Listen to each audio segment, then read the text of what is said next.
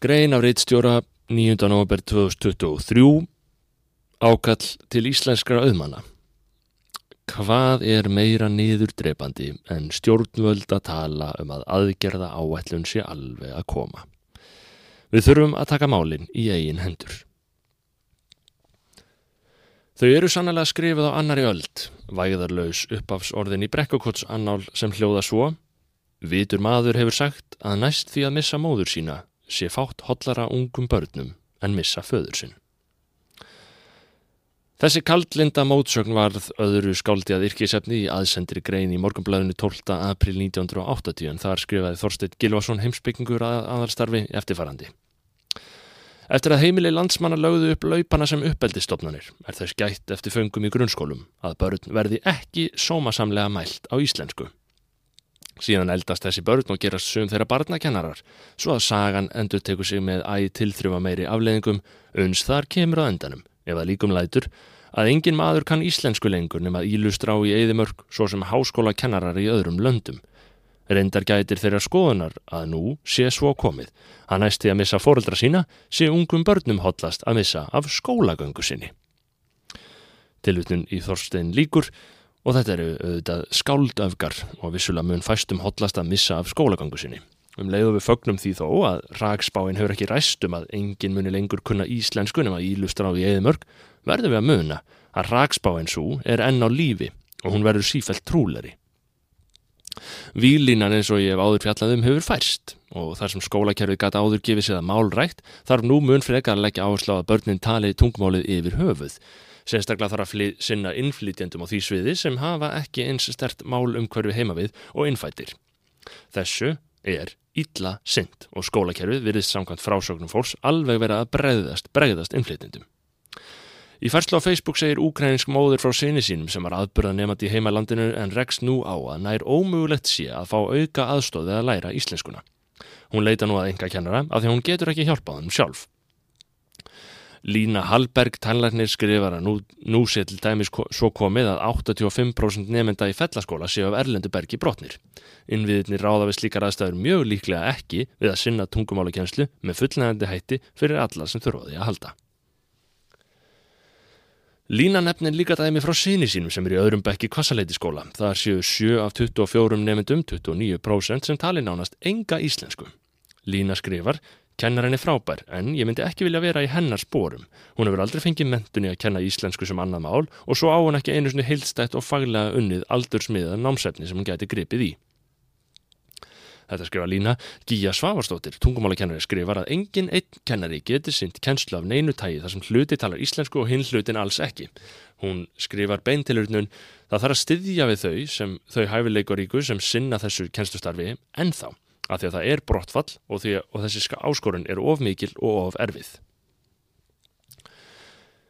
Eins og Lína segir að kennabörnum íslensku myndi styrkja íslensku sem þjóðtungu á Íslandi. Það er eina leiðin fram á við og það er ekki við að gera þetta. Eirikur Ökvaldsson málfræðingu bendir á þetta er skelvilegt ástand. Stjórnvöld lofa aðgerðum en ekkert gerist. Það átt að leggja aðgerða allir fram í mars en því var frestað og svo átt að leggja hana fram í oktober og hún er ekki komin enn. Og jafnvel þótt hún komi og verði samþýtt einhver tíman í vetur er ekkert í fjárlögum eða fjármála áallun sem bendir til þess að hún verði fjármögnuð. Hvað hafa stjórnvöld gert, spyrir rittstjórun, annað en að sína fram á vangetu sína þessum efnum og hvar halda stjórnvöld að þetta endi?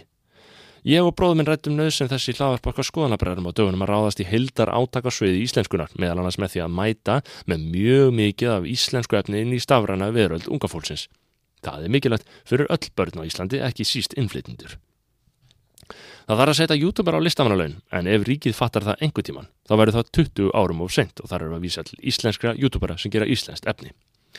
Því sendu við, bræður, nýla út ákall til íslenskra auðmanna um að stopna sjóð á sviði tungunar þar sem ljóstur orðið að ekki er hægt að reyða sig á stjórnmálumennina.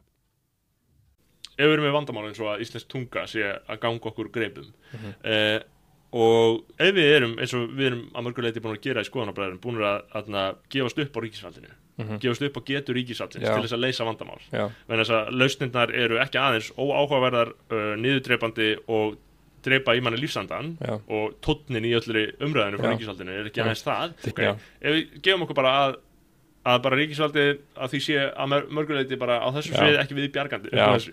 Eh, þess vegna þá þurfum við, ok, hvernig ætlum við þá að leysa stóru vandamáluna því að við vitum að peningarnir koma hlutunum á hreyfingu. Mm, mm, þá eh, held ég að hún verða að gerast með verulegu magni enga fjármags já, uh, og, og svona aðeins breyting á stemningun eins og ríkisvaldið, eins og ég segi "Ah, þeir eru svo leiðileg já, það var eitthvað sem kommentaði sko, var að tala um sko að sem ég er mjög sammála, við þurfum að na, þurfum youtubera Mhm. það er að segja, við erum með markaðsbrest það er ekki markaður Já. til þess að youtubera lifa af að við þurfum 20-30 ógeðslega viðbjörslega youtubera á já, frá ríkinu já, til þess að búa bara til að versta sort sem við get- getum Já. þátt í hug. Að, og bara til að búa til veist, bara unboxing myndbönd sem, bara, sem er bara það sem krakkarnir eru að horfa á YouTube það er bara að vera að opna leikfeng og eitthvað. Við þurfum bara annað Já, ég myndi alveg vilja deila það út, sko. Uh, íslenskir auðmenn, þeir, þú veist, ef þið vilja hafa áhrif, það er ekki allir endilega sem vilja hafa áhrif.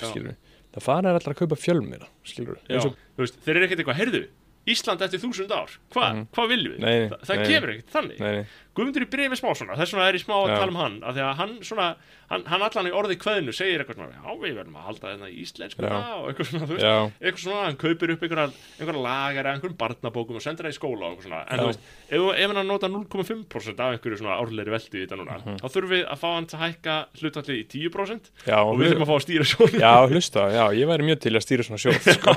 Ég, það er eiginlega bara drauma vinna mín, að vera sjóðstýrani, sko.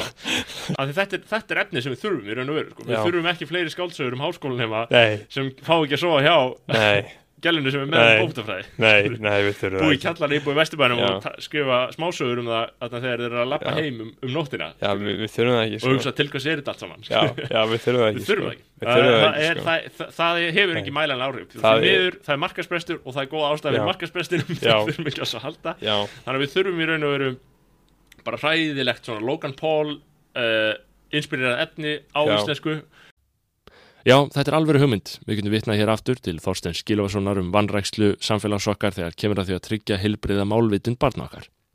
Víst má þetta skeitingaleysi þykja skrítið til að mynda í ljósi þess að börn eru næstum eina fólki í landinu sem hlustand er á og taland er við.